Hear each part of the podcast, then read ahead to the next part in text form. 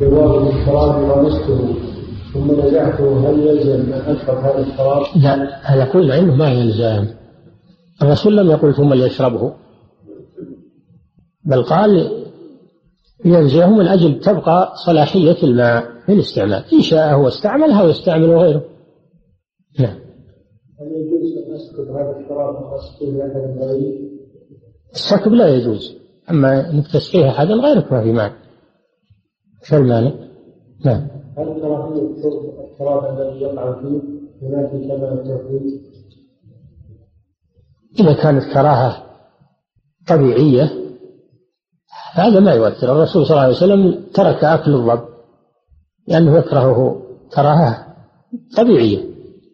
يعني كراهية تشريع كراهية طبيعية.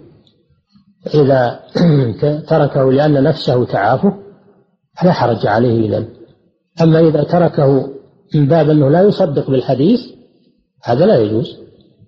إذا تركه من باب أنه لا يصدق بهذا الحديث ولا يعترف بالحديث هذا لا يجوز. أما إذا تركه من باب أن نفسه تعافه هذا لا شيء فيه. نحن لا نجبره على شراب شيء يكره كما ذكرنا الرسول صلى الله عليه وسلم عاف الضب مع أنه حلال. هذه كراهة نفسية لا إثم فيها. نعم.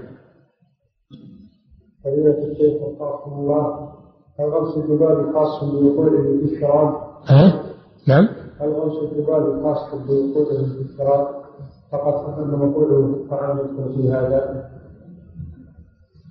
الحديث جاء في الشراب وغير مثله من المائعات كل الأشياء المائعة مثل الزيوت والسمن والأشياء المائعة حكمها حكم الشراب أما الأشياء الجامدة كالطعام فهذا يلقى الذباب وما حوله يكفي يلقى الذباب وما حوله يكفي نعم. لأن إلقاء الذباب من من الطعام من إزالة الأذى. النبي صلى الله عليه وسلم يقول إذا سقطت لقمة أحدكم فليمط ما عليها من الأذى وليأكلها. فإلقاء الذباب من الطعام هذا من إماطة الأذى. لا بأس. طيب. بل هذا من التنزه. نعم. وهل سن الذباب يؤثر في الماء القليل والكثير؟ نعم يؤثر ما دام انه سم فانه يؤثر. نعم. ولو لم يقتل. ما هو بالتأثير معناه أنه يقتل الذي يشرب؟ لكن يؤثر على صحته. قد يكون له مضاعفات فيما بعد. لأن السم وإن كان قليلا لا يقتل الإنسان لكن يؤثر على صحته ولو على المدى. البعيد. نعم.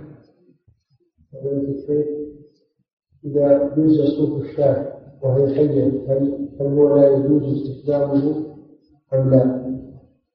لا الحديث الحديث يقول ما قطع من البهيمة من البهيمة يعني من أعضائها.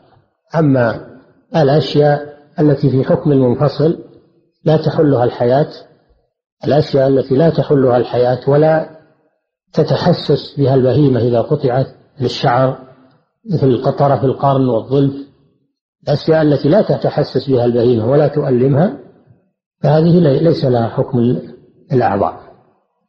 فيجوز جز شعر البهائم والانتفاع به قال الله تعالى ومن أصوافها وأخبارها وأشعارها أثاثا ومتاعا إلى حين يجوز جز الأغنام وأخذ الوبر من الإبل والانتفاع بها لأن هذه لا تؤثر على الحيوان ولا يحس بها إذا أزيلت أنها ليس فيها روح ليس فيها حياة نعم الجناح الذي فيه يضر وأنا جربت هذا ولم ولم يضرني. شدريك إنه ما ضرك؟ انتظر قد يكون ضرره متأخر. قد يكون ضرره متأخر. هذا لا يجوز إن الإنسان يقول هذا الكلام. يقول أنا ما غمسته وشربت ولا ضرني. لا تقول هذا. نعم. السلام عليكم ورحمة الله وبركاته. أذكار المساء هل تقال بعد العصر أو قبل غروب الشمس أو بعد الأذان أو بعد صلاة المغرب وإذا نسيت ولم تذكر فمتى تقال؟ أذكار المساء تقال في المساء. تقال بعد صلاة العصر أو بعد صلاة المغرب أو قبل غروب الشمس كل هذا كله يسمى بالمساء. وكونها تقال في آخر النهار في آخر النهار هذا أحسن. كل ما تأخرت إلى آخر النهار يكون أحسن. نعم. وإذا نسيتها وإذا نسيتها وأردت أن تقولها لا بأس. في أي وقت تقولها لأنها ذكر لله عز وجل والذكر مطلوب كل وقت. نعم. إذا كانت مدة الحيض ثمانية أيام وانقطعت اليوم الخامس والسادس من تلك المدة ثم عادت اليوم السابع والثامن هل تجوز الصلاة في تلك اليومين؟ نعم. إذا انقطع دمها في أثناء العادة انقطاعا تاما فإنها تغتسل وتصلي. فإذا عاد الدم فإنها تجلس. فأيام الانقطاع طهر متخلل يعتبر طهرا متخللا. تغتسل وتصلي. وإذا عاد الدم تجلس. نعم. الله إذا سهرت المرأة ثم جلست في مدينة مؤقتة وكان من عادتها أن تصوم الاثنين والخميس.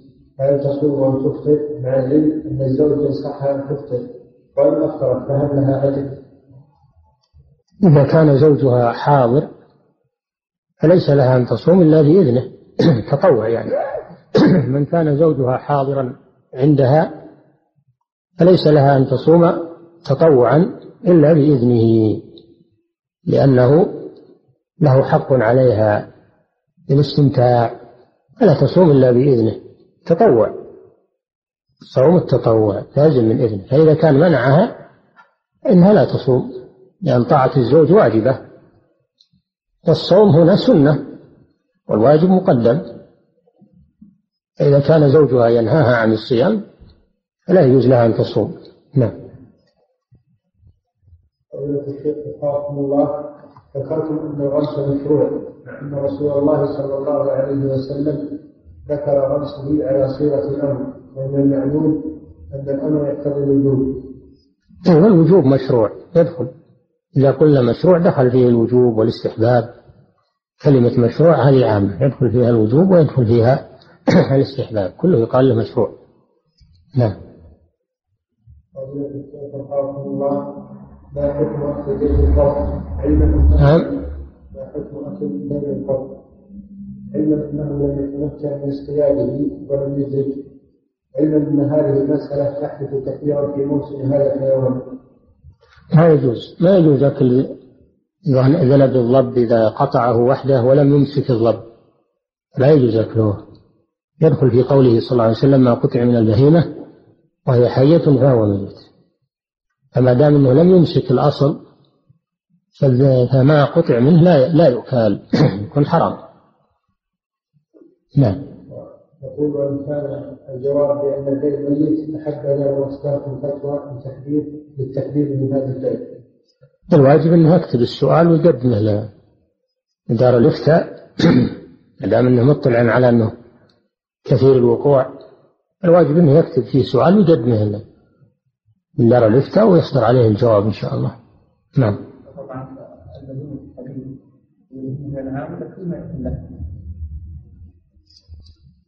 نعم؟ كل ما يؤكل لحم لكن الأصل الأصل أن البهيمة عام في كل ذوات الأربع مما يؤكل ومما لا ومما لا يؤكل. فالمراد هنا بهيمة الأنعام لأن سبب الحديث كما سمعتم أنهم كانوا يجبون سنم الإبل وأليات الغنم. هذا سبب الحديث.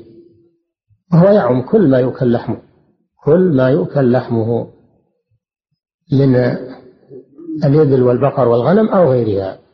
نعم. الجراد مثل السمك ليس لميتته تحريم كله حلال. نعم.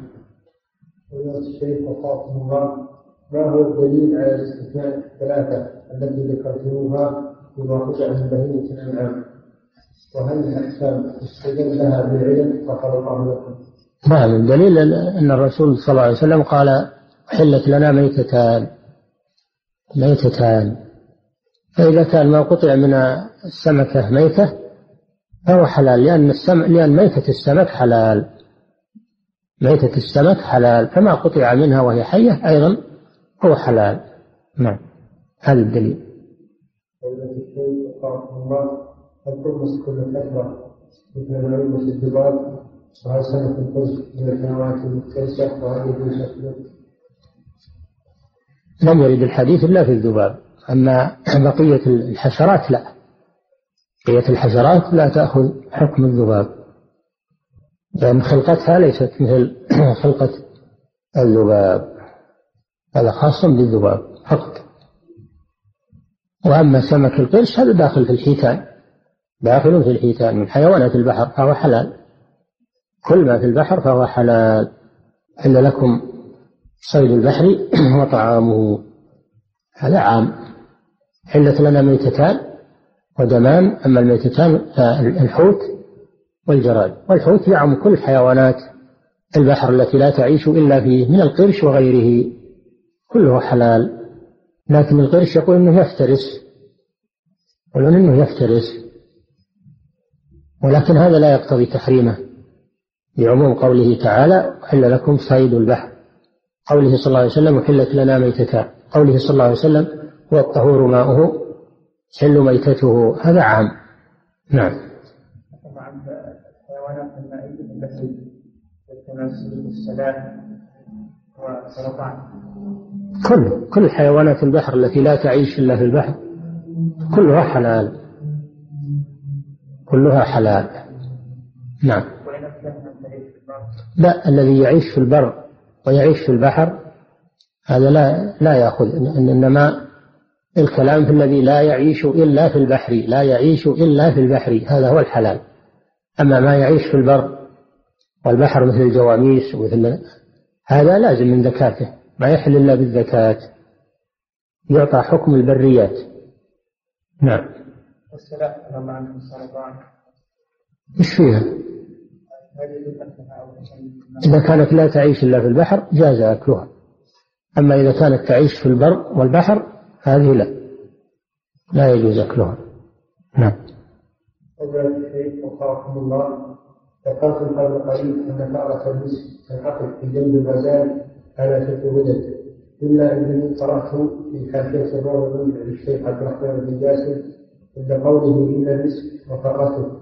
أن فأرة المسك تنعقد تحت سرة الغزال عندما يقارنه الصيادين فيقومون بربط هذه الفأرة حتى تسقط أرجو توضيح ذلك هذا نوع هذا نوع منها. هذا نوع منها. نوع منها يأخذه الصيادون. ولكن هناك نوع نفس الغزال يحتك في شجر أو بشيء ثم تسقط هذه السرة تسقط هذه السرة فيجدها الناس ويأخذونها نعم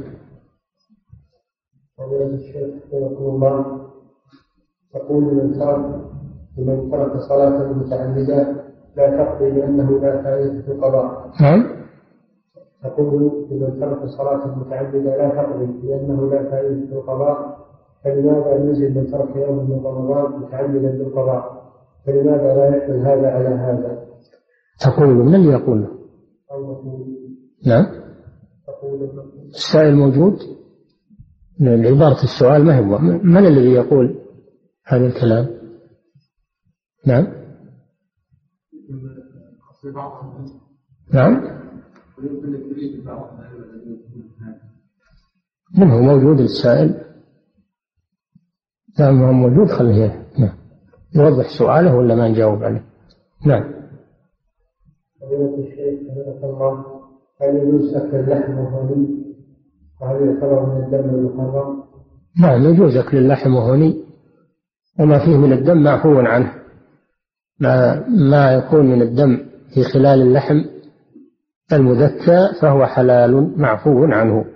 إنما الدم الحرام هو المسفوح أو دما مسفوحا. والمسفوح هو الذي يخرج من أوداج الذبيحة وقت الذبح هذا هو المسفوح. أما ما تبقى في لحمها فهذا حلال معفو عنه. يجوز أكل اللحم وهو فيه يجوز طبخ اللحم وهو فيه. نعم. ها؟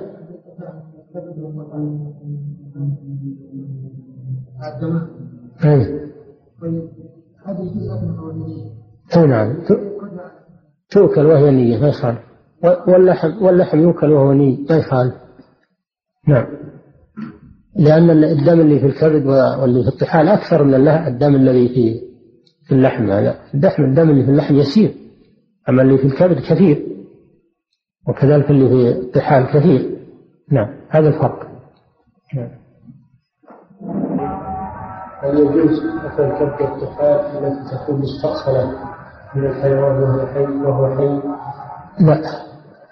المستأصل من الحيوان وهو حي لا يجوز أكله سواء كان الكبد والطحال أو غيرهما أو السنام أو ألية الغنم كله لا يجوز هذا لا يجوز أكله وهي حية. نعم. هل تقضى السنة الرواتب وهل لها وقت محدد في القضاء؟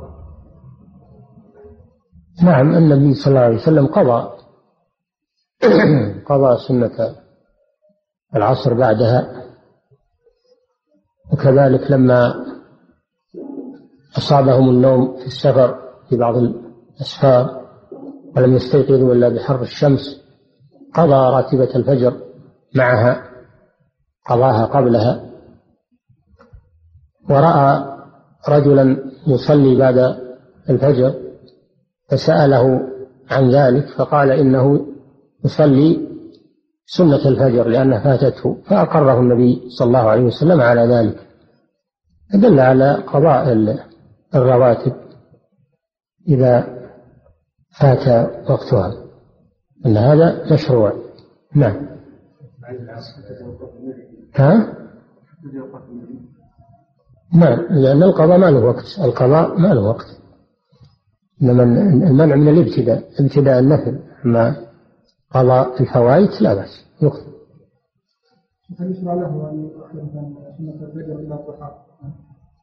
أفضل إذا أخرها إلى الضحى أفضل. وإن صلاها بعد الفجر مباشرة إن قضاها بعد الفجر مباشرة فهذا جائز. وإن أخرها إلى الضحى هذا أفضل. نعم. لا ما تؤخر بعد الظهر فات فات محلها. نعم. كيف وفقكم الله توجد بعض الأجهزة الكهربائية التي تقتل الحشرات التي تقترب منها وهي عبارة عن سجار كهربائي التي يقتل تلك الحشرات فما حكمه؟ والله هذا محل إشكال لأن هذا حكم النار هذا إحراق. هذا إحراق. قد نهى النبي صلى الله عليه وسلم عن التعذيب بالنار. نهى عن التعذيب بالنار وأنكر إحراق النمل بالنار. هذا لا يبعد منه مثله. فهذا محل إشكال. والذي يظهر لي والله أعلم أنه لا يجوز لأنه إحراق بالنار. نعم. الله قوله تعالى وإذا قرئ القرآن فاستمعوا له وأنصتوا الآية هل هذا يحمل على الوجوب أم الندب؟ هذا يحمل على الوجوب. إذا قرئ القرآن واستمعوا له وأنصتوا. هذا يحمل على الوجوب. والآية نزلت في الصلاة. إذا قرأ الإمام وجب على المأموم أن ينصت ويستمع لقراءة الإمام. هذا هو آه، سبب نزول الآية. نعم. تقرأها في سكتات الإمام. يقرأها في سكتات الإمام. نعم. كذلك يقرأها إذا كانت الصلاة سرية. إذا كانت الصلاة سرية يقرأ الفاتحة ما في إشكال. وفي الجهرية يقرأها في سكتات الإمام. نعم. نعم. سكتات إذا سكت للنفس. هذا ثابت أن الرسول صلى الله عليه وسلم يقف على رؤوس الآيات من أجل تنفس من أجل نعم. شيخ إذا كان يقرأ الفاتحة وشرع الإمام طيب يقف ويكمل السكتة الثانية والثالثة لما يخلص. نعم. سبب النزول في الصلاة وهي تعم لأن العبرة يقولون بعموم اللفظ لا بخصوص السبب فهي عامة. نعم. لا يجوز للإنسان يتكلم والقرآن يقرأ ولو كان في خارج الصلاة انه ينصت للقرآن. نعم. الله. إذا دخل الرجل مع الجماعة في صلاة العشاء وهو يصلي المغرب. ظنا أنها صلاة المغرب فماذا يفعل؟ إذا دخل بنية المغرب إذا دخل بنية المغرب والإمام صلى العشاء إذا قام الإمام للرابعة يجلس هو يجلس هو يتشهد وإن شاء سلم وإن شاء انتظر الإمام حتى يسلم ويسلم معه. لكن ما يتابع في الركعة الرابعة لا يجوز له يتابع. وهو على نيته. وناوي المغرب تكون على نيته. لكن لا يقوم إلى الرابعة. نعم. نعم. لا بأس. لا بأس بذلك لكن ما يتابعهم بالرابعة نعم. نعم.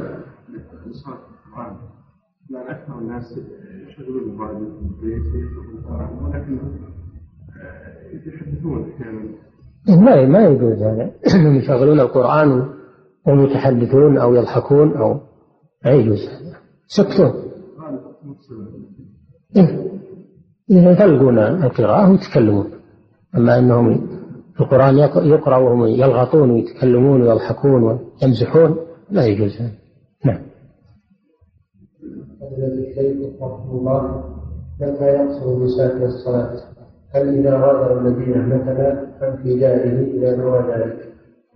لا يجوز أنه يقصر إلا إذا خرج من البلد. لأنه لا يسمى مسافرا إلا إذا خرج من البلد. والنبي صلى الله عليه وسلم لم يكن يقصر الصلاة إلا إذا خرج من البلد. فإذا نوى السفر وهو في البلد وأتت الصلاة وهو في البلد يصليها تماما يصليها صلاة حضر. يصليها صلاة حضر. أو أذن المؤذن وهو في البلد ثم ركب السيارة وصلى برا في الطريق صليها تماما لأنه وجبت عليه تامة قبل يخرج. صليها تامة. فالرخص إنما تبدأ بالخروج من عامل البلد. إذا خرج من عامل البلد له أن يترخص بالإفطار وقصر الصلاة. أما ما دام أنه في داخل البلد فإنه لا يزال حاضرا غير مسافر. نعم. ها؟ المطار إن كان داخل البلد فهو حكم حكم البلد. إن كان خارج البلد فهو حكم حكم السفر. الصيام كذلك نعم. نعم. ها؟ إذا كان داخل الرياض فهو يعتبر حاضر اللي فيه مهل البلد. ولو كان ناوي السفر صلي تمام ولا يفطر لما تعدى. أما إذا كان المطار خارج البلد خارج بنيان البلد المعمور فهو له حكم السفر. ها؟ اللي هو هذا رأي الله إذا كان ثبت عنه هو رأي الله واجتهاد منه رضي الله عنه لكن سنة الرسول صلى الله عليه وسلم معروفة نعم ومن كان ناديا السفر ثم خشي طواف الطائرة في المطار فهل له أن يؤخر الصلاة حتى يأتي مدينته علما بأن الوقت متسع لذلك؟ السؤال وإن كان ناوي السفر ثم خشي طواف الطائرة في المطار فهل له أن يؤخر الصلاة حتى يأتي مدينته علما بأن الوقت متسع لذلك؟ إذا كان يصل مدينته قبل خروج الوقت ما في مانع. أما إن كان أنه بيخرج الوقت قبل يصل إلى مدينته هو يصلي في الطائرة. يصلي في الطائرة شوف له مكان منها ويصلي فيها. يتجه للقبلة ويصلي فيها والحمد لله. نعم. فضيلة الشيخ وفقكم الله ما الحكم إذا وقع اللحم المقطوع من المذكاة في الماء؟ المذكاة ما في بأس. اللحم اللي من مذكاه هذا طاهر واللحم والدم اللي فيه معفو عنه لا يضر الماء لأنه لحم طاهر لأنه لحم ذكي طاهر. نعم. فضيلة الشيخ وفقكم الله هل التسبيح باليمنى فقط أم بغيره وما الدليل؟ يجوز التسبيح باليدين كليهما ويجوز باليمنى فقط. بعض العلماء يرى خصوصا في هذا الوقت يرون أن التسبيح باليمنى لأن النبي صلى الله عليه وسلم كان يعقد تسبيح يده اليمنى ولكن هذا لا يدل على المنع على منع التسبيح باليد اليسرى. والنبي صلى الله عليه وسلم حث على التسبيح بالأصابع قال لأنها مستنطقات يوم القيامة. التسبيح بكلا اليدين لا بأس وإن سبح باليمنى فقط. قد يكون هذا أحسن قد يكون هذا أحسن. نعم. عليك تسبيح المصباح تسبيح بالمصباح مسبحة فيه تفصيل. إن كان يعتقد أن المصبحة فيها فضل هذا لا يجوز. ليس فيها فضل إنما هذا عند الصوفية فقط. هذا بدعة. أما إذا كان يعتقد أن المسبحة ليس فيها فضل وإنما يستعملها من باب المباح والاستعانة بالعد هذا لا بأس مباح لكن بالأصابع أفضل من المسبحة. العد بالأصابع أفضل من المسبحة. نعم. يجوز يسبح بالحصى يجوز يسبح بالمسبحة ولكن بالأصابع أفضل. أما إذا كان يعتقد في المسبحة أن لها فضل فهذا بدعة. نعم. متى يقول هل يقول في بداية الإقامة أم حين يقول المؤذن قد قامت الصلاة من الدليل المختص الله؟ آه القيام للصلاة عند الإقامة فيه تفصيل. إذا كان الإمام حاضر إذا كان الإمام حاضرا يراه فإنه يقوم عندما يقول المؤذن قد قامت الصلاة. أما إذا كان لا يرى الإمام ما بعد وصل فهو لا يقوم حتى يراه. لا يقوم حتى يراه. مثلا فرضنا أن الإمام دخل مع الباب قام المؤذن يقيم الصلاة. الإمام ما بعد وصل المحراب المأموم ينتظر حتى يصل الإمام ينتظر وهو جالس. نعم. نعم.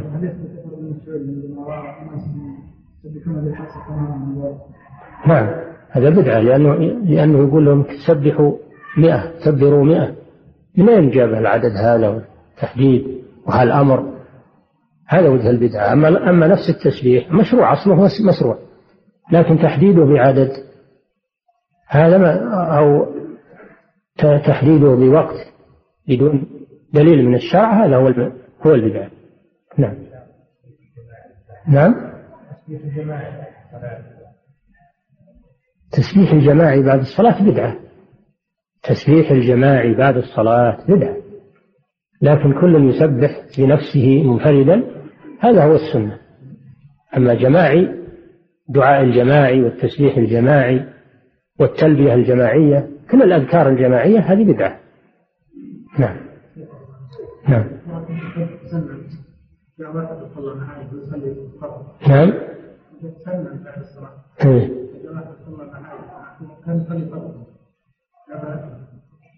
ما في بس إذا كنت تسنن وجاء وصلى معك فرض نعم يجوز اقتداء المفترض. بالمتنفل معاذ رضي الله عنه كان يصلي مع النبي صلى الله عليه وسلم ويخرج ويصلي بجماعته. هي له نافلة ولهم فريضة ولم ينكر عليه الرسول صلى الله عليه وسلم.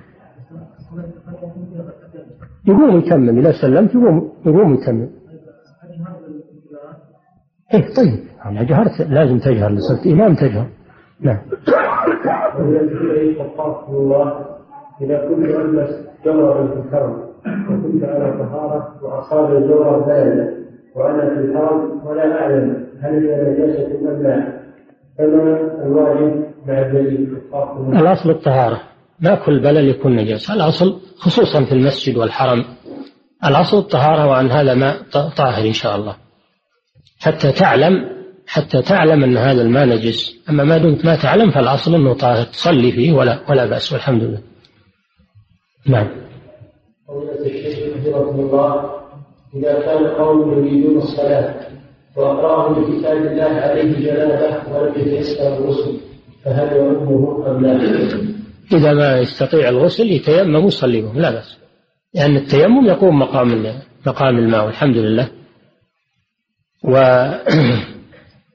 كما في قصة عمرو بن العاص رضي الله عنه ما كان في سفر وأصابه احتلام وخشي أن يغتسل بالماء من البرد فتيمم رضي الله عنه وصلى بأصحابه. ولما قدم على النبي صلى الله عليه وسلم وأخبره بذلك أقره على ذلك ولم يأمره بالإعادة. فإذا كان الذي عليه جنابة لم يجد الماء أو أو وجد الماء ويخاف من من الضرر إذا استعمله فهو يتيمم ويصلي. إما إماما وإما مأمون. ويكون التيمم يقوم مقام الماء في هذه الحالة ولله الحمد. نعم. للمستقبل للمستقبل. أما اللي فات صحيح. نعم. الذين يستخدمون في الصيد عليهم الصخر بعد أن لا بأس إذا سمى إذا أطلق الصقر وسمى عند إطلاقه ثم الصقر مسك الصيد وقتله فهو حلال. قال تعالى فكلوا مما أمسكنا عليكم واذكروا اسم الله عليه. يسمي عند إرساله وما صاده ومات في الصيد فهو حلال لأنه بمنزلة الزكاة لأن الصدر بمنزلة آلة الزكاة. نعم. كذلك الكلب كلب المعلم إذا أطلقه وسمى ثم صاد صيدا وقتله فهو حلال. فكلوا مما أمسكنا عليكم واذكروا اسم الله عليه. نعم. إذا لم يسمي إذا لم يسمي لم يحل الصيد إلا إذا أدركه حيا. إذا لم يسمي لم يحل الصيد إلا إذا أدركه حيا وذكاه. نعم. فضيلة الشيخ حفظه الله نرى كثيرا من النساء إكراه تعدد الزوجات لدرجة أن هذه الكراهية تخرج عن قول غيرها بحيث تدعو المرأة على أن يتزوج على زوجته بعدم التوفيق ولو كان المتزوج غير زوجها. كما هو موقف الجاهلون من الأزواج والإخوان والآباء مع النساء التي كما ذكرت. وما هي أسباب كراهية التعدد مع أنه في شرع الله؟ وهل يصل الكره إلى كره إلى كره الشريعة؟ لا هذه غيره طبيعة في النساء. لا يصل إلى كره الشريعة لأن هذه غيرة فيهن غير اختيارهن. أما موقف الرجال فيجب أن لا يتأثروا بل يتزوجوا ويعدد النساء إذا كان عندهم قدرة ولا يتأثروا بتحرج النساء أو كلام النساء. وأما دعاؤهن فهو غير مقبول لأنه دعاء ظلم لأنها ظالمة في هذا الدعاء لأنها دعت على من لا يستحق الدعاء فهو لا لا يؤثر عليه إن شاء الله لأنه لم يظلمها. نعم. لكن عليه بالعدل. عليه بالعدل مع زوجاته وعدم الحيف هذا الذي يجب عليه. نعم. إذا شرط أن لا يتزوج عليها إذا شرط أن لا يتزوج عليها له أن يتزوج لكن هي لها الفسخ إذا أرادت. هي لها الفسخ إذا أرادت وإلا هو ما يحرم عليه الزواج. نعم. فضيلة الشيخ وفقكم الله سمعت من بعض الإخوة من جريمتكم كلام حول التنبيه على الكسوف والكسوف قبل وقوعه مما يكتب في بعض الصحف. فهل هذا صحيح وما العلة في ذلك؟ نعم أنا كتبت في هذا كتابة ونشرت والحمد لله. موجودة مطبوعة الآن. لأن هذا وهذا أيضا نهى عنه الشيخ محمد بن إبراهيم رحمه الله كما في الفتاوى لأن هذا يقلل من أهمية صلاة الكسوف عند العوام. يقولون هذا الكسوف صار الناس يعرفونه ولا في شيء يخوف لأنه عادي. فإخبار الناس به قبل وقوعه هذا فيه تقليل من من أهميته وتقليل من شأنه عند العوام ولا داعي إلى هذا. وما في شك أن العلماء الذين من قبلنا كانوا أعرف منا بهذه الأمور كانوا يدركون هذه الأمور ولم يكونوا يخبرون الناس بهذا الشيء. ما كانوا يخبرون الناس بأنه في اليوم الفلاني سيحصل كسوف لأن هذا من التنطع ولا داعي له. وأيضا كما ذكرنا يحدث عند الناس عدم اهتمام بالكسوف ويعتبرونه شيء عادي خلاف ما لو فاجأهم الكسوف ولم يخبروا به من قبل أنه يحدث عندهم شيء من الخوف من الله سبحانه وتعالى والروعة. فلا شك أن هذا شيء لم يعمله السلف مع علمهم بالحساب ومع إدراكهم لهذا ما كانوا يعلمون الناس يقولون لهم استعدوا ترى بيكسف القمر أو تكسف الشمس ما يقولون لهم هذا. ويسعنا ما وسع السلف وكما ذكرت فيه رسالة للشيخ محمد بن إبراهيم في مجموع فتاواه في هذا الموضوع. وأنا نقلت منها في كتابتي الحمد لله وصلى الله وسلم على نبينا محمد. فإن في أحدي جناحيه داء وفي الآخر شفاء. أخرجه البخاري وأبو داود وزاد يعني أبو داود. وإنه يتقي بجناحه الذي فيه الداء. هذا الحديث فيه عجائب من صنع الله سبحانه وتعالى وفيه أحكام شرعية. قوله صلى الله عليه وسلم إذا وقع الذباب في شراب أحدكم. الذباب معروف وهو يختلط بالناس.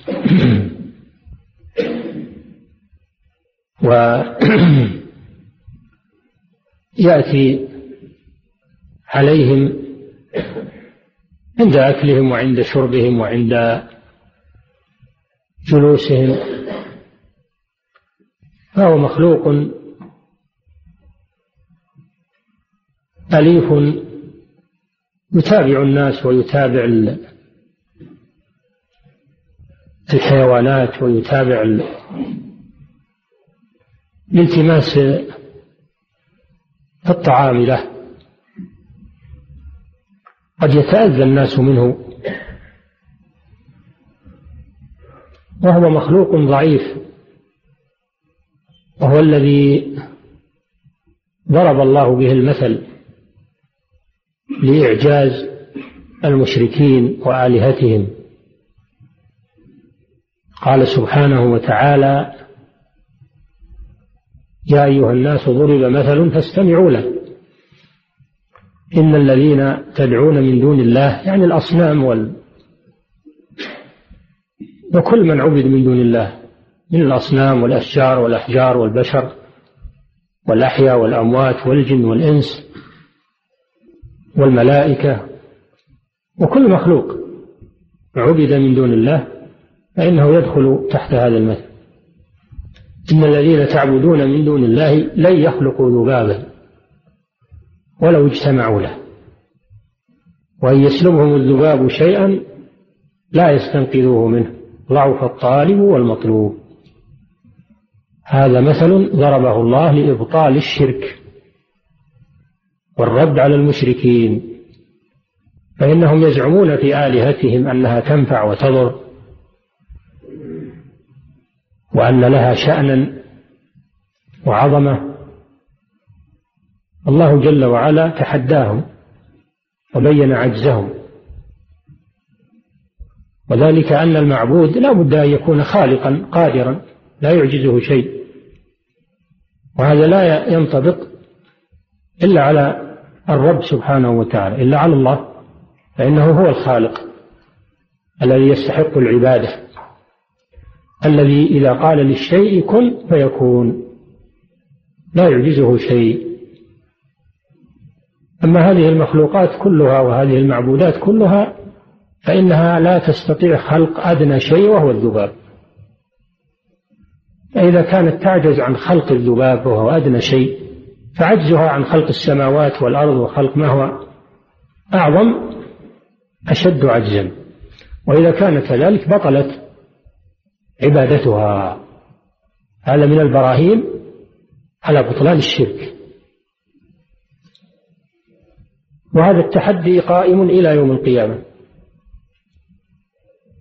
فكل العالم كل الصناع والمخترعون والمخترعين والمهرة والحذاق والأطباء كلهم عاجزون عن أن يخلقوا شيئا أن يوجدوا شيئا فيه الروح. نعم يستطيعون التصوير وصنعة التماثيل ويضاهئون خلق الله. الصور ولكن لا يستطيعون أن يوجدوا فيها لحما ودما وروحا وحركة وغير ذلك من خصائص المخلوقات.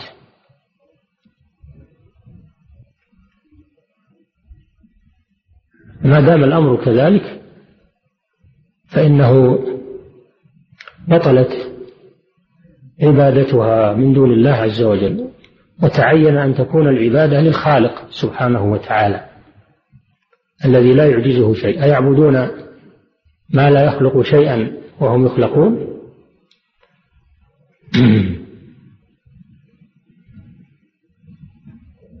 قال أيشركون قال تعالى أيشركون ما لا يخلق شيئا وهم يخلقون؟ قال تعالى والذين يدعون من دونه لا يخلقون شيئا وهم يخلقون. أموات غير أحياء وما يشعرون أيان يبعثون.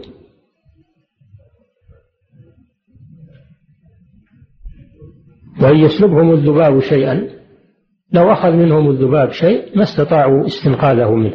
طار به ولا استطاعوا أن يستنقذوه منه. فإذا أخذ الذباب شيئا من على الصنم لو جاء الذباب وأخذ شيئا من على الصنم فإن هذا الصنم لا يستطيع أن يستنقذ ما أخذه الذباب. ما يدل على عجز الصنم عن الانتصار لنفسه من أضعف المخلوقات. ضعف الطالب والمطلوب. وأن يسلبهم الذباب شيئا لا يستنقذوه منه. الصنم عاجز لا يستطيع يأخذ حقه ومظلمته ولا من الذباب. هذا دليل على ضعفه عدم صلاحيته للعبادة. فإذا كان لا يستطيع الدفع عن نفسه فكيف يدفع عن من عبده من دون الله عز وجل؟ الحاصل أن هذا الذباب ضرب الله به المثل. إذا وقع الذباب في شراب أحدكم فهو يأتي ويقع في الشراب ويقع في الطعام. ولا نستطيع أن نمنعه من ذلك. هذا يدل على عجزنا أيضا. أنستطيع أن نمنع اللبان؟ تدخل بيوتنا ولا نستطيع أن نمنعها من طعامنا وشرابنا؟ هذا دليل على عجزنا. وأن الذباب أقوى منا. وأنه يقع في شرابنا. بل قالوا إنه يرغم يرغم الملوك يقع على أنوف الملوك. الذباب يقع على أنوف الملوك. ولا يستطيع منعه. إذا وقع الذباب في شراب أحدكم في شراب أحدكم. الإضافة هنا لا مفهوم لها. يعني إذا وقع الشراب ولو لم يكن للمالك. الخطاب عام. خطاب عام سواء كان مالكا للشراب أو غير مالك له. مثل ما مضى في قوله صلى الله عليه وسلم إذا ولغ الكلب في إناء أحدكم. الإضافة ليست مخصصة. بل كل إناء ولغ فيه الكلب فحكمه كذلك. وهنا كل شراب وقع فيه الذباب حكمه كذلك. لمالكه وغيره. إذا وقع الذباب يعني سقط في شراب أحدكم. فليغمسه. يعني يغمس الذباب في الشراب حتى يختفي في الشراب. هذا الغمس. الانغماس والغمس هو أن ينغمر ينغمر بالماء ويغوص فيه حتى يختفي فيه. فليغمسه. هذا أمر من الرسول صلى الله عليه وسلم. بغمس الذباب إذا وقع. لأنه إذا وقع حصل حصل الحاصل. إذا وقع في الشراب حصل الحاصل. أما أن الإنسان يعمل الاحتياطات لمنع الذباب من الوقوع قبل حصول الشيء هذا مطلوب أن الإنسان يصون شرابه ويصون طعامه ويغطيه ويخمره لكن إذا قدر أن الذباب وقع في الشراب فهنا حصلت القضية. فالعلاج ليس هو في ترك هذا الشراب أو إهراق هذا الشراب هذا لا يجوز.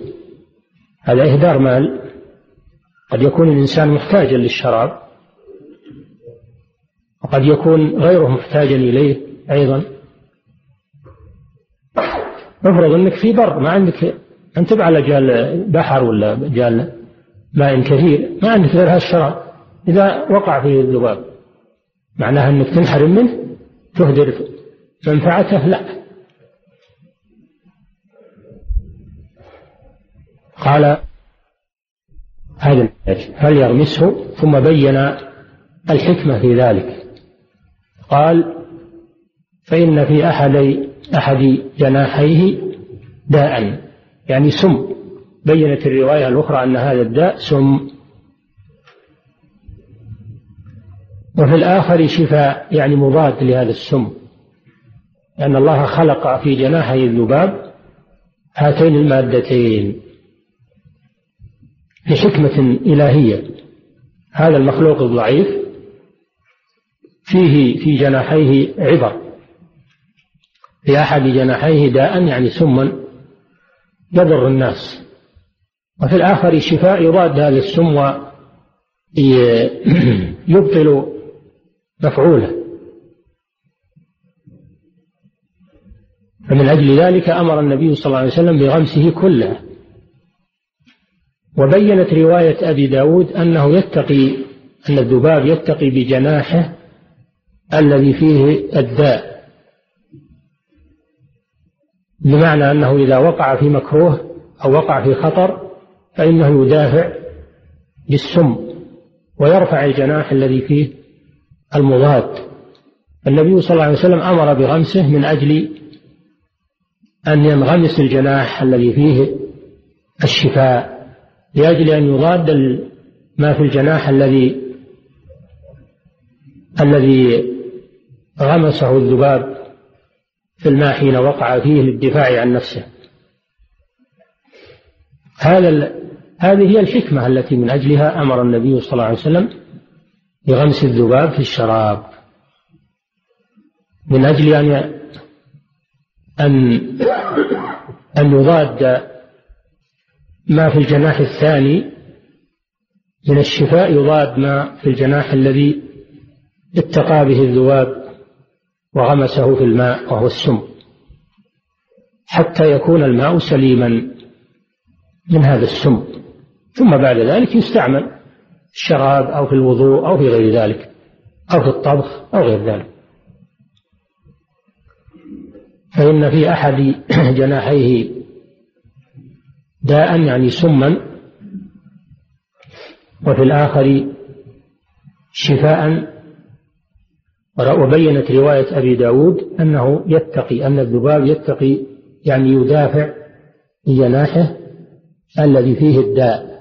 فأمر النبي صلى الله عليه وسلم بغمسه من أجل أن نحصل على ما في ما في الجناح الثاني من الشفاء لأنه إذا انغمس كله انغمس جناحاه كل كلاهما انغمس جناحاه كلاهما فهذا يضاد هذا. أما لو أخرج من غير غمس لو أخرج بوجر بإخراجه من غير غمس بقي بقي السم. بقي السم في الماء. وإنه يتقي بجناحه الذي الذي فيه الداء. هذا ما أرشد إليه النبي صلى الله عليه وسلم.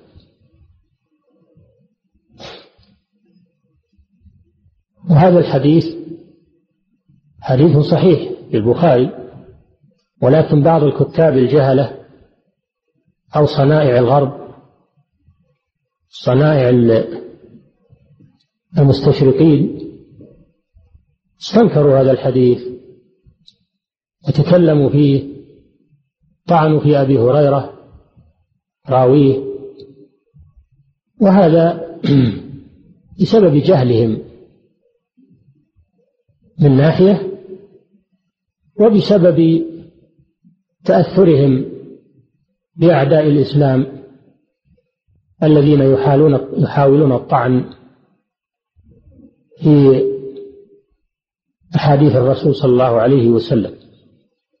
بل إنهم يطعنون في الرسول صلى الله عليه وسلم. يطعنون في القرآن. الكفار يطعنون في القرآن ويطعنون في الرسول ويطعنون في الأحاديث. يطعنون في الإسلام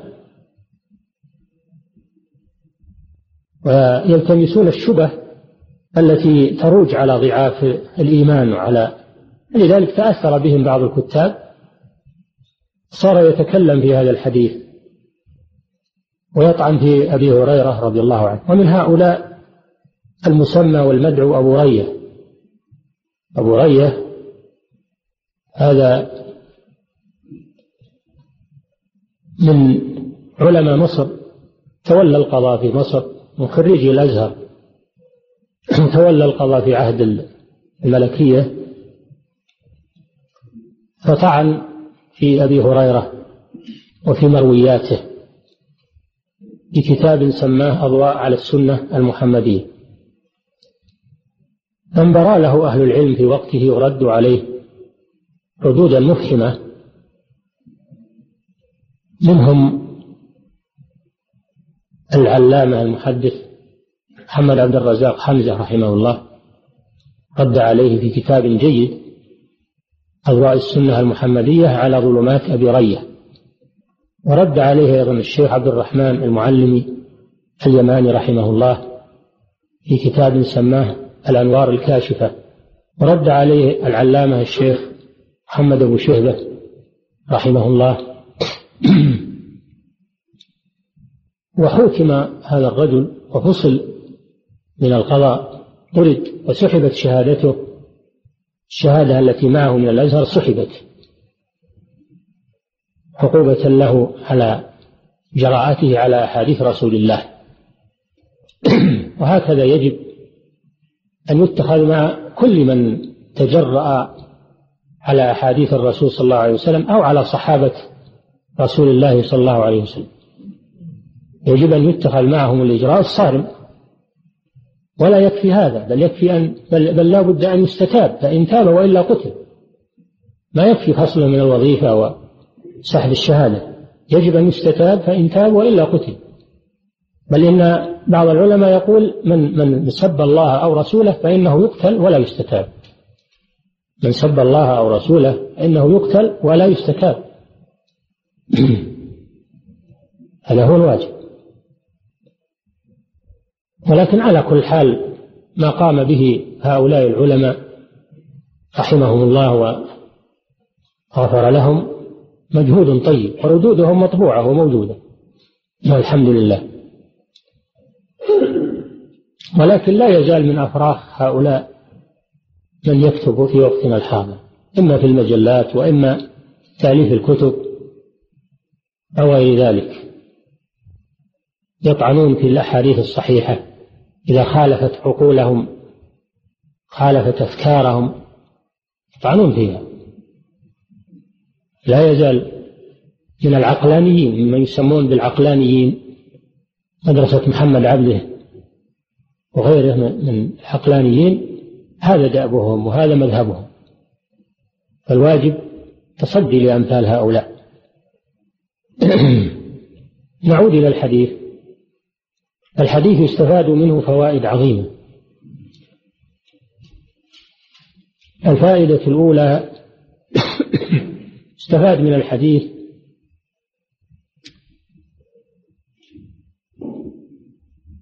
مشروعية غمس الذباب. مشروعية غمس الذباب إذا وقع في الشراب.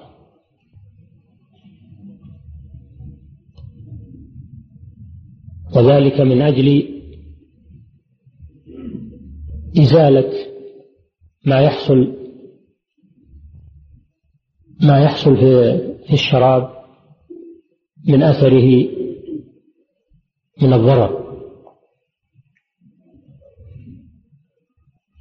وأنه لا وأنه لا يهراق الماء لا يهراق الماء لأنه مال ولا يجوز إتلاف المال. ويحتاج الناس إليه. فإراقته هذه خلاف السنة. إراقته خلاف السنة. وإذا كان الإنسان يكرهه ولا يريده لا يجبر على شربه لكن يتركه يتركه لغيره يشرب غيره أو يستفيد منه غيره. أما أن يريق هذا الماء هذا خلاف السنة خلاف ما أرشد إليه الرسول صلى الله عليه وسلم. الفائدة الثانية في الحديث دليل على اتخاذ أسباب الوقاية. دليل على اتخاذ أسباب الوقاية. فإن الرسول صلى الله عليه وسلم أمر اتقاء السم الذي في الذباب بعمل المضاد له استعمال المضاد له. هذا من أسباب الوقاية. من الأشياء الضارة. ومن ذلك أن الإنسان يتعالج إذا أصابه مرض بالأدوية. هذا من الوقاية من من الأضرار. الله والنبي صلى الله عليه وسلم يقول ما أنزل الله داء إلا وأنزل له شفاء. علمه من علمه وجاهله من جهله الفائدة الثالثة في الحديث جواز قتل المؤذيات. جواز قتل المؤذيات من الحشرات وغيرها. فإن في غمس الذباب غمس الذباب يتضمن إتلافه. خصوصا إذا كان الشراب حارا فإن غمسه يترتب عليه قتل هذا الذباب. فدل هذا على قتل المؤذيات من الحشرات وغيرها. كل شيء يؤذي فإنه يقتل دفعا لشره. لهذا صلى أمر صلى الله عليه وسلم بقتل الحية والعقرب والحداة والغراب والكلب العقور والفارة. قال خمس فواسق كلن في الحل والحرم ذلك لأذاهن. فالمؤذيات تقتل.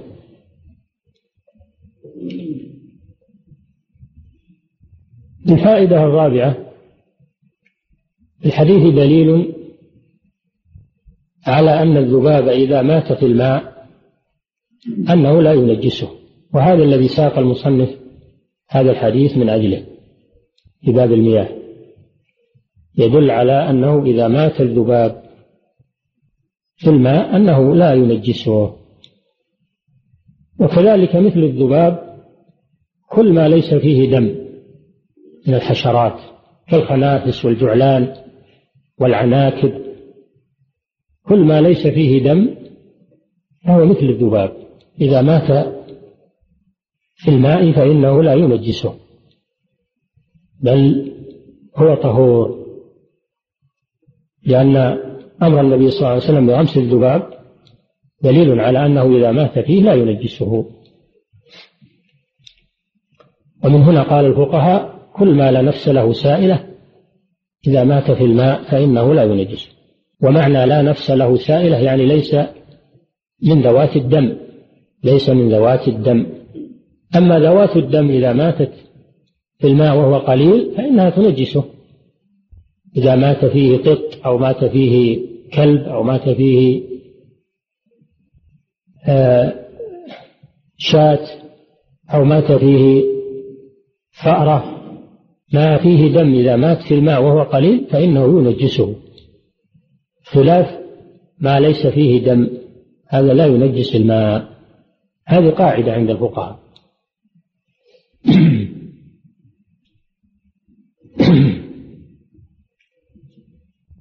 الفائدة الخامسة هذا الحديث فيه معجزة من معجزات النبي صلى الله عليه وسلم حيث أخبر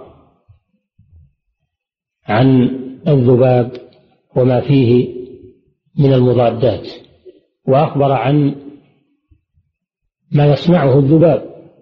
هذا لا يكون إلا بوحي عما يصنعه الذباب وأنه يتقي بجناحه الذي فيه الداء هذا لا يمكن الاطلاع عليه إلا بالوحي. هذا من حلم الغيب الذي لا يعلمه إلا الله. فهذا من معجزاته صلى الله عليه وسلم. ويقول بعض الشراح إن الأطباء الآن إن الأطباء الآن عثروا على مصداق ما في الحديث. عثروا بعد التحليل على أن في جناحي الذباب متضادات. الله أعلم إذا إذا صح هذا ولكن نحن لا نتوقف على أخبار الأطباء. نحن نؤمن بما قاله الرسول صلى الله عليه وسلم سواء أدركه الأطباء أو لم يدركوه. لكن إذا حصل هذا فهذا شيء يستأنس به.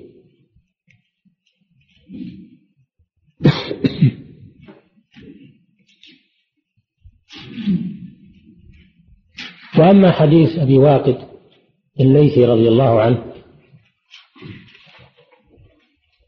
هو واقد هذه كنيته. أما اسمه فهو الحارث بن عوف صحابي جليل. يقال إنه شهد بدرا. وهو الذي روى حديث ذات أنواط. قال خرجنا مع النبي صلى الله عليه وسلم يوم حنين ونحن حدثاء عهد بكفر والمشركين سدرة يعكفون عندها ويعلقون ينوطون بها أسلحتهم يقال لها ذات أنواط فقلنا يا رسول الله اجعل لنا ذات أنواط كما لهم ذات أنواط. قال صلى الله عليه وسلم الله أكبر إنها السنن قلتم والذي نفسي بيده كما قالت بنو إسرائيل لموسى اجعل لنا إلها كما لهم آلهة. قال إنكم قوم تجهلون. لتتبعن سنن من كان قبلكم حلو القذة بالقذة حتى لو دخلوا جحر رب لدخلتموه. هو الذي روى هذا الحديث وهذا يدل على أنه أسلم عام الفتح وهو القول الثاني. القول الثاني أنه أسلم عام الفتح. يدل عليه قوله ونحن حدثاء عهد بكفر يعني إسلامهم قريب. والليث نسبة إلى بني ليث قبيلة من العرب. قال ما قطع من البهيمة وهي حية فهو ميت. البهيمة يراد بها ذوات الأربع. كل ذوات الأربع يقال لها بهائم.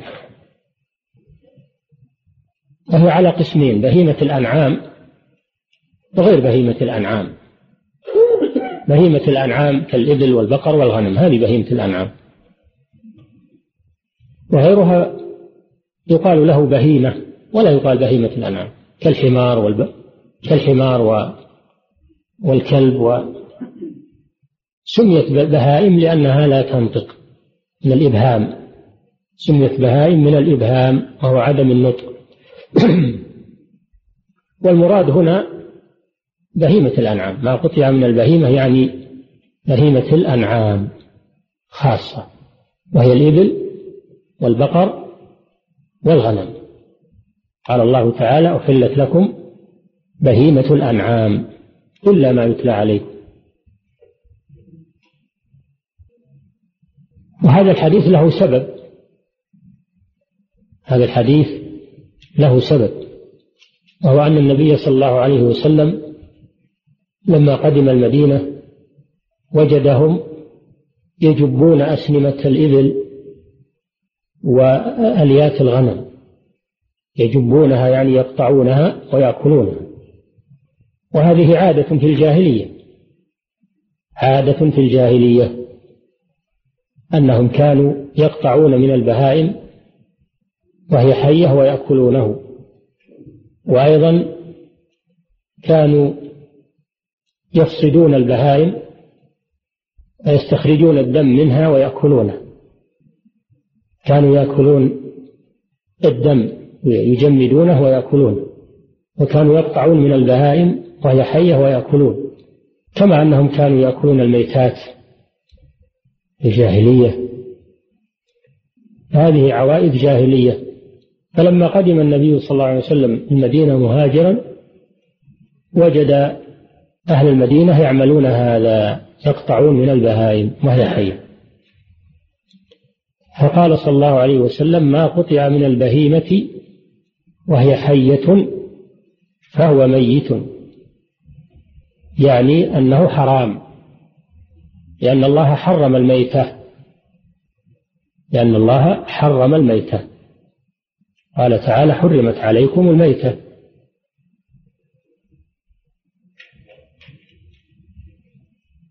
فدل هذا على أن ما قطع من البهيمة وهي حية أنه يكون حراما لأنه من الميتة التي حرمها الله سبحانه وتعالى في محكم كتابه. ومراد الرسول صلى الله عليه وسلم منعهم من ذلك وزجرهم عن ذلك. ما قطع من البهيمة وهي حية فهو ميت. إلا أنهم قالوا يستثنى من ذلك ما قطع من السمك. ما قطع من السمك فإنه حلال ولو كان السمك حيا. وقوله صلى الله عليه وسلم أحلت لنا ميتتان ودمان. فأما الميتتان فالحوت والجراد. فإذا قطع من السمكة شيء وهي حية فإنه حلال لأن ميتتها حلال. هذا ما يستثنى. وذكروا أيضا مما يستثنى الطريدة وهي الصيد. إذا طرد صيدا ثم ضربه وسقط بعض أعضائه ثم أدرك الصيد ثم أدرك الصيد وأخذه أو ذكاه فإن ما سقط منه في الأول حلال. ما سقط منه في الأول يكون حلالا. هذه هي الطريدة وهي التي تطرد لاصطيادها أما إذا سقط منها شيء ولم تمسك فالذي يسقط حرام. إنما يكون حلالا إذا أدركها وأمسكها ونكاها إن كانت حية فإن ما سقط منها يكون حلالا. كما لو طرد ظبيا وضربه بسهم وسقط منه بعض الأعضاء ثم أدركه وأمسكه فالعضو الذي سقط منه حلال تابع له. يستثنى من قوله ما قطع من البهيمة وهي حية فهو ميت.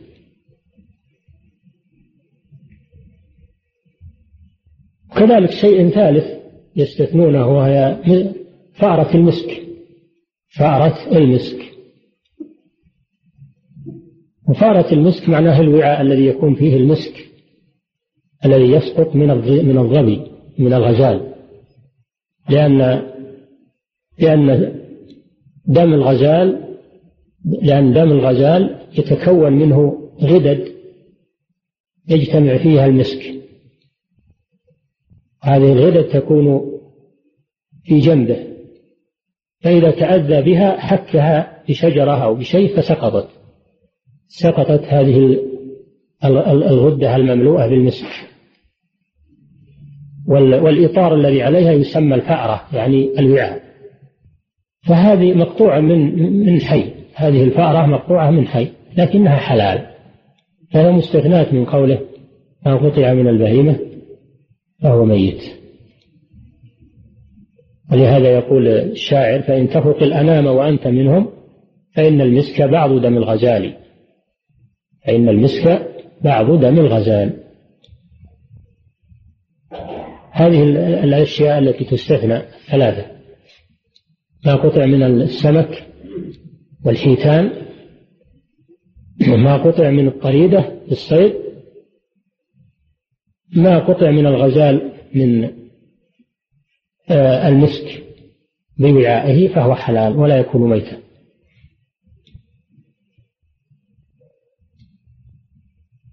فدل هذا الحديث على مسائل. المسألة الأولى فيه النهي عن تعذيب الحيوان. لأن قطع لأن قطع شيء منها وهي حية تعذيب لها وهذا لا يجوز. نهى عنه الرسول صلى الله عليه وسلم. وأمر بالرفق بالحيوان والإحسان إليه. حتى عند الذبح يجب إحسان الزكاة. ولا يجوز تعذيبه. قال صلى الله عليه وسلم إن الله كتب الإحسان على كل شيء.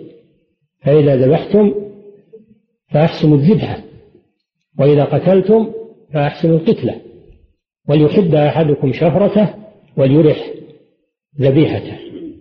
فعند الزكاة يجب أن تستعمل الزكاة المريحة التي ليس فيها تعذيب.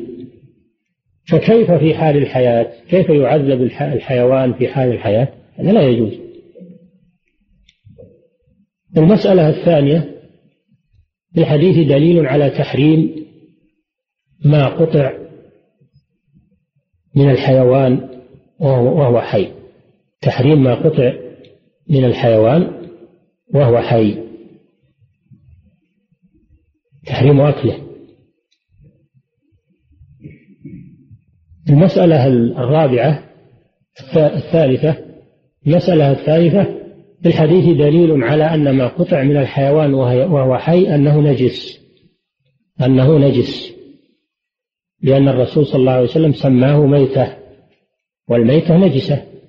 وهذا الذي ساق المصنف الحديث من أجله في باب المياه أن ما قطع من الحيوان وهو حي فهو نجس. فإذا وقع في الماء فإنه ينجسه. إذا وقع هذا المقطوع في الماء وهو قليل فإنه ينجسه لأنه ميتة. مثل ما لو مات فيه الحيوان كما سبق. لو مات الحيوان في الماء نجسه. كذلك إذا ألقي فيه قطعة من الحيوان وهو حي والماء قليل فإنه يتنجس تنجس بذلك. ما قطع من البهيمة وهي حية فهو ميت.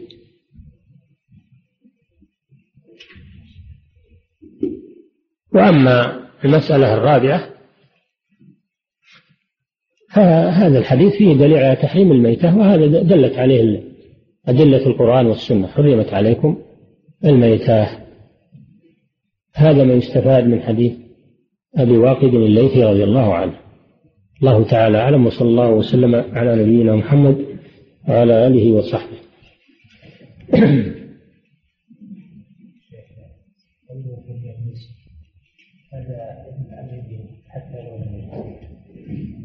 نعم. يجب على الوجوب حتى ولو لم هو الظاهر الأصل في الأمر الوجوب. الأصل في الأمر الوجوب. نعم. لكن الشراح يقولون استحباب يحملون على الاستحباب. نعم. نعم. بسم الله الرحمن الرحيم. الحمد لله رب العالمين. والصلاة والسلام على أشرف الأنبياء والمرسلين يقول الإسلام الشيخ ولذلك قلنا فيه مشروعية قلنا فيه مشروعية. ما قلنا فيه وجوب قلنا مشروعية. فيه فيه احتمال يعني. نعم.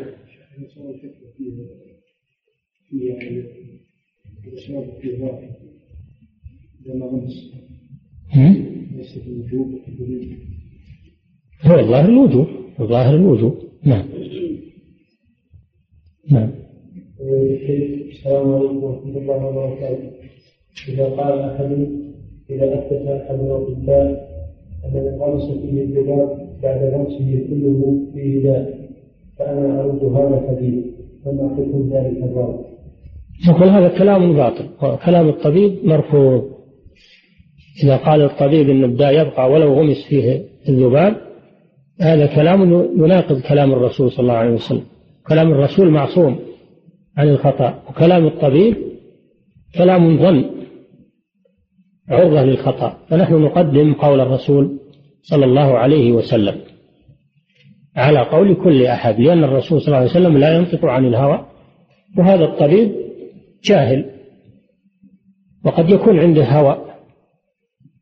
قد يكون هذا الطبيب من الزنادقة أو من الفساق أو من النصارى أو من اليهود أو من الجهال من المسلمين.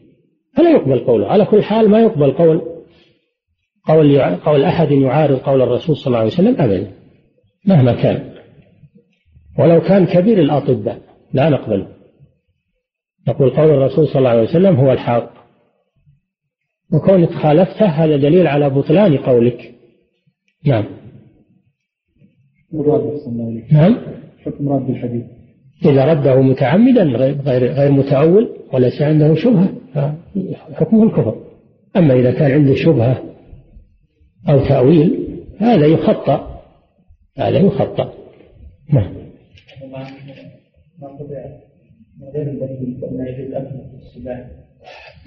من باب أولى الذي لا يجوز أكله من باب أولى كله حرام.